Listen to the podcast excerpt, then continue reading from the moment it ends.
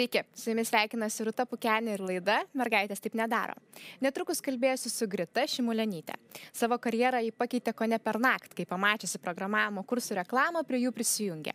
Į mokslus Grita nėrė stačia galva, paliko savo senąją darbovietę ir šiuo metu sėkmingai dirba gana siauroje, bet itin paklausoje procesų automatizavimo srityje, viename didžiausių šalies bankų.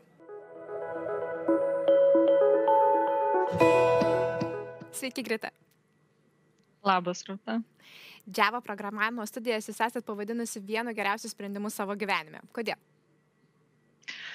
Na, pirmiausias buvo labai netikėtas uh, ir skubus, pakankamai skubus. Turėjau tik dvi dienas apsispręsti, bet jis atvedė mane į ten, kur esu dabar. Tai dirbu kompanijoje, kurioje norėjau dirbti, e, dirbu su nuostabia komanda ir jaučiu, kad šitas darbas man tinka ir patinka. Jūs užsiminėte šiek tiek, bet mokytis programuoti pradėjote gana spontaniškai. Gal galite apie tai papasakoti daugiau? Taip, tai pirmiausia, kai viskas prasidėjo, tai nuo savo stebėjimo. Senajame savo darbe aš pradėjau stebėti, kurios užduotis man labiau patinka ir kurios nepatinka. Tai įvertinau tai ir supratau, kad didžiąją dalį užduočių, kurias aš turiu padaryti savo tiesioginiam darbe, man jos tiesiog nepatinka. Tai jos veda mane iš komforto zonos, kuri jau tampa paniko zona. Mm, aš nenorėdavau eiti į darbą ir jeigu reiktų prisiversti kažką daryti, tai, nu, man reikėdavo save versti. Tai susikaupti, tarkim, greitą susikaup, kad turi šiandien paskambinti tam ir tam, tą ir tą sudėrėti, tą ir tą paprašyti. Tai aš supratau, kad tam tikros užduotis man netinka nei kaip asmenybei, nei šiaip man jos patinka.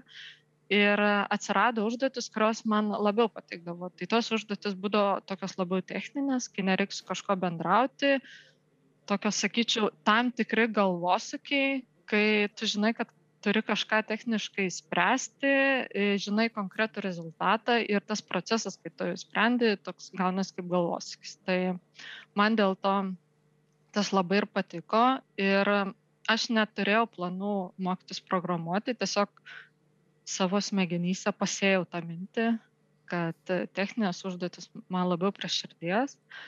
Ir tada atsitiktinai pastebėjau reklamą socialiniam tinkle, kad viena IT akademija kviečia mokytis Java programavimą. Ir man tada viskas susijungia į vieną vietą smegenyse, kad taip, čia yra mano šansas. E, kad reikia bandyti. Turėsiu daug galvosakių, kuriuos galėsiu spręsti. Tai turėjau dvi dienas m, suruošti dokumentus, tai pakėliau ant kojų visą savo šeimą, kad man padėtų juos įrengti ir sėkmingai įstojau. Vau, net smagu klausyti, sprendimas per dvi dienas. Bet sakykit, aš dar norėčiau grįžti prie to, ką dirbote, kokias studijas baigėte iki pasukdama į tech. Mhm. Esu baigusi vadybos bakalauro studijas ir dirbau projektų koordinatorė. Tai e, tie projektai buvo susijęs su mokymais, tai buvo labai daug vadybinio darbo, visiškai jokio techninio darbo, jokių techninių užduočių, viskas yra koordinavimas. Tai tuo metu kažkaip pastebėjau dar magistro studijas, kurios nereikalavo kažkokio persikvalifikavimo, bet buvo labiau į IT pusę. Tai jos vadinasi nuotolinio mokymosi informacinės technologijos ir aš ten įstojau, du metus mokiausi, didžioji dauguma paskaitų buvo techninės ir aš supratau, kad man tai patinka. Tai to vedama po magistro studijų išėjau iš esamo darbo ir prisijungiau būti koordinatorė IT projektų. Tai darbas kaip ir toks pat tiesiog patys projektai buvo it projektai tai aš labiau mačiau kaip viskas vyksta kas tai yra tie it projektai um, kaip jie vykdomi ir tenai jau gavau daugiau techninių užduočių. Tai taip e, žingsnis po žingsnio ir artėjau prie tos IT srities ir prie tų kursų lemiamų, į kuriuos taip greitai įnėrėte. Papasakokite daugiau apie juos, kaip viskas atrodė tas mokymosi procesas, nuo ko prasidėjo, kiek tęsiasi, kas jį sudarė. Taip, tai kursai vyksta vienus metus. E, pirmą semestrą yra teorinė dalis, kuri yra labai intensyvi ir išmokoma ne, netgi net ne pačių pagrindų, bet pakankamai jau ir aukštesnio lygio. Tai viskas buvo suspausta į kelis mėnesius, tai krūvis buvo labai didelis, bet e, kursai buvo kokybiški, e, juos dėstė žmonės iš IT kompanijų, tai tie žmonės e, yra susidūrę su praktika, tai tuo pačiu mus ruošia praktikai. Tai nebuvo tik teorinis dėstymas. Ir po teorinės dalies e, pusę metų buvo praktiniai darbai, tai buvo darbas komandose, kur turėjom sukurti produktą kartu su kitais bendramoksliais ir po to sekė praktika realioje įmonėje. Tai labai faina ir smagu, kad teorinė dalis iškart pereina į praktiką ir labai svarbu, kad komandose dirbom, tai padėjo nepasimesti, e, turėti motivacijos vienam iš kito ir, ir padėti vienas kitam. Tai labai svarbu pačiam mokymis. Bet atrodo labai įtempta programa. Ar pavyko suderinti su darbu, ar teko įmesti? Nepavyko. E, supratau, kad turiu rinktis arba darbas, arba mokslai. Tai, tai čia buvo tas pirmas turbūt iššūkis, nes e, išėjus iš darbo automatiškai tu nebeturi pastovių pajamų, nors prieš tai pakankamai gerai gyvenai ir net negalvojai, kad kažkada neturėsi darbo. Tai, tai buvo streso tikrai, bet supratau, kad kelio atgal nebėra. Arba grįžti ten, kur dirbai, arba drastiškai keiti profesiją. Tai ir pačiam mokymėsi buvo iššūkių, nes tikrai būdavo dienų, kai uh, galvodavau, kad, nu, na, man čia per sunku, aš nesugebėsiu, čia per daug darbo, čia per sunkios užduotis.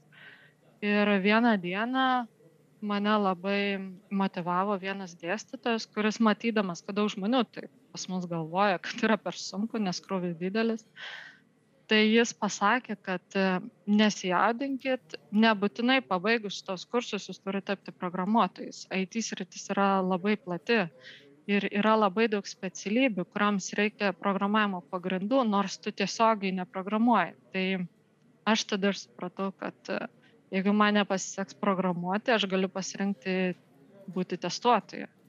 Arba dar kažko, tarkim, analitikė, ar netgi vėl projekto koordinatorė, bet jau konkrečios programavimo komandos. Tai tas mane labai nuramino ir, ir supratau, kad e, net jeigu kažkas nepavyks, turi labai daug kelių, e, kaip pasukti.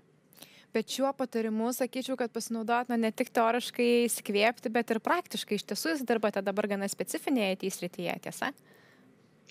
Taip, tai aš dirbu vienam iš skandinaviškų bankų ir dirbu programuotoje, automatizuoju procesus. Tai šis rytis gana specifinė, nes pats proceso automatizavimas dažniausiai vyksta labai didelėse korporacijose ir brandžiose korporacijose, e, kur pokyčiai pakankamai lietai vyksta. Yra tam tikros procedūros, kurias turi atlikti organizacijų viduje darbuotojai ir jas pakeisti, tas procedūras yra labai sunku. Ir vis dar yra įmonių, didelių įmonių, kur uh, darbuotojai atlieka daug pasikartojančių užduočių, daug um, užduočių rankomis. Pavyzdžiui, e, spausdino dokumentus, tada tos dokumentus neša kažkam peržiūrėti, dar kažkam neša pasirašyti, neša išsiųsti į paštą tiesiog. Tai mano darbas yra visą tai perkelti į sistemas, kad žmonėm nebereiktų to daryti rankomis, kad viską būtų galima rasti vienoje vietoje ir, ir išspręsti tą tokį ta tokia logistika, sakyčiau, darbo viduje.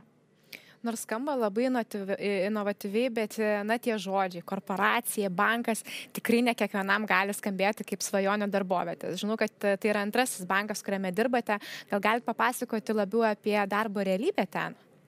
Ar iš tiesų tai Taip. tik mitai, ką mes girdime? Taip, e, daug kas galvoja, kad e, bankai nėra pati geriausia darbovietė, kur galėtum dirbti.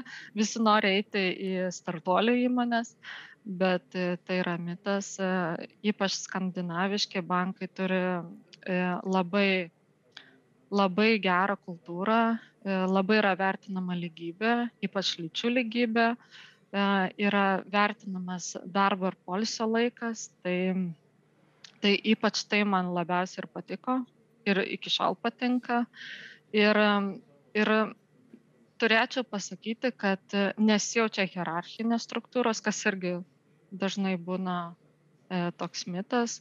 Tai visi pagal pareigas yra lygus, visi yra lygus reikšti savo nuomonę, siūlyti sprendimus ir rinktis tą darbą, kurio tarkim nori tai tai nėra žmonių kurie yra kažkaip viršesni už tave skandinaviškose įmonėse taip nebūna Ar jums yra tekę kada susidurti su stereotipais ir mitais dėl to, kad esate moteris ir dirbate IT srityje?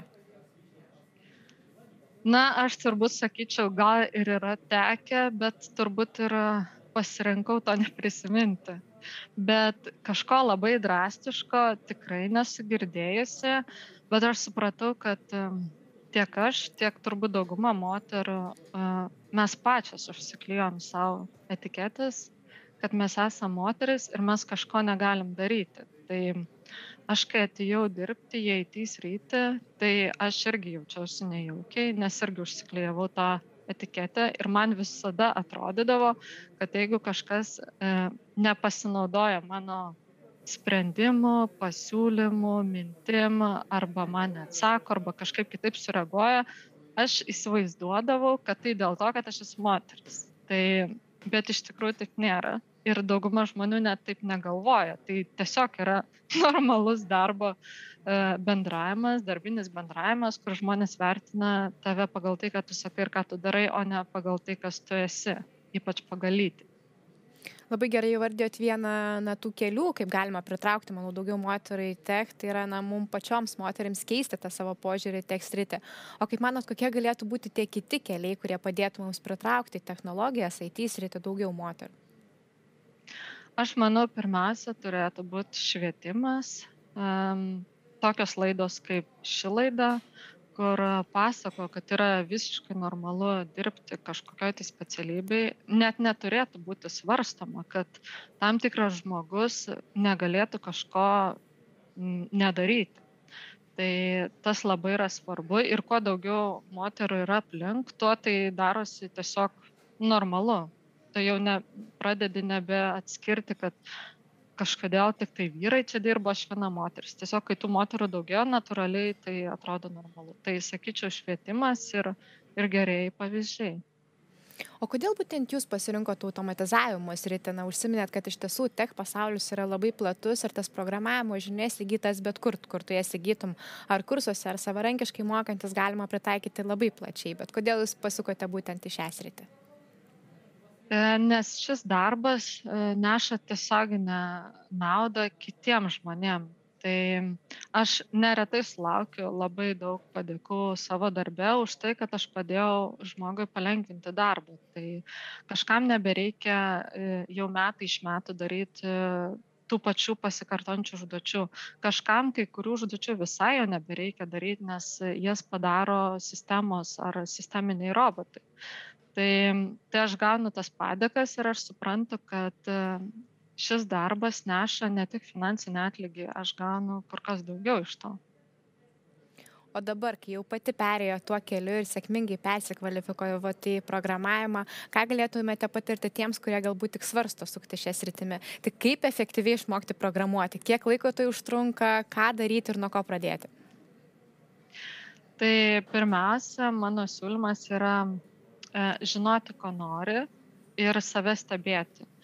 Tai aš visada sakau, kad nereikia rinkti specialybių pagal tam tikrus stereotipus, kad tai yra labai populiaru, trūksta darbuotojų, tai yra gerai apmokama. E, jeigu tu pasirinksi specialybę e, ne pagal save, o pagal kažkokius išorinius kriterijus, kad ir kaip tai atrodytų gražiai išoriškai, bet jeigu tau tai netinka kaip asmenybei, tai ateis laikas, kai jausias einantis pastoviai iš komforto zonos, kol pateks į panikos zoną. Tai reikia įvertinti e, savo asmenybę, e, kas patinka ir kas nepatinka ir pagal tai rinktis rytį. Tai jeigu yra žmonių, kurie įvertino, kad tech sritis yra tas sritis, kur jiem patinka, kad jie mėgsta spręsti tam tikras užduotis, mėgsta matematiką, mėgsta loginius dalykus, taip pat mėgsta nenobodų darbą, nuolat kintantį darbą, tai tech sritis yra tas sritis ir pradėjus programuoti arba norint pradėti svarbiausia išsirinkti mokymus, tai mokymų pas, pasiūlymų yra labai daug ir užtenka tikrai kelių mėnesių įgyti pagrindam. Tai labai patarčiau turėti žmogų, kuris padėtų kartu mokytis, ypač jeigu jis labiau patyręs, nes ir darbo aplinkoje mes vieni nedirbam, mes dirbam su kolegom, kurie peržiūri tai, kad tu padarai E, pataria kažkaip kitaip padaryti, pasiūlo sprendimą, kurio tu galbūt net nematėjai vienas dirbdamas. Tai labai svarbu turėti su ko pasidalinti tai, su ko pasitarti ir šokti tiesiai į praktiką. Bet atrodytų labai baisu, na ir klausosi jūsų. Per dvi dienas padarė sprendimą, įstojo mokytis, metė darbą, susirado darbą viename banke, kitame banko. Na bet atrodytų, kai klausais jūsų istorijos, atrodo viskas taip sklandžiai ir paprastai. Bet turbūt, kad buvo tam tikrų lūžio taškų ir jeigu tie lūžio taškai ištiktų kitus, tai ką jiems žinoti ir kaip nemesti to kelio dėl tą kelio ar gal dėl akmenėlio pasitaikiusio tame kelyje. Mm. Kaip minėjau, tai svarbu žinoti, kodėl tą darai labai svarbu žinoti, kodėl tą darai. Jeigu tai, tarkim, darai tik dėl pinigų, tai turbūt e, gali surasti dar geresnį specialybę, kuri dar labiau apmokama. Tai, tai jo, reikia žinoti, dėl ko tai darai. Jeigu darai dėl to, kad patinka, tai manau, kai patinka, tai tie iššūkiai yra labai nežymus, sakyčiau aš irgi su, susiduriu su nemažai iššūkių, kai ir pervargstu ir galvoju viskas. Mano smegenim šitas darbas per sudėtingas. Bet e, natūraliai pailsi, pasportuoji ir, ir vėl eini dirbti, nes e, tau patinka tas darbas. Mano pirmadieniai nėra nemėgstami. Aš labai mėgstu grįžti į darbą po savaitgalį, nes aš jo visai pasilgstu. Ir tai yra turbūt svarbiausias skirtumas nuo to, ką pasakojate apie prieš tai buvusi savo darbą, tiesa? Taip. Tai, visiškai. tai ačiū Jums labai, Grita, kad pasidalėjote savo patirtimi. Labai tikiuosi, kad Jūsų istorija įkvėps ir daugiau. Aš irgi tikiuosi. Ačiū, Rūt.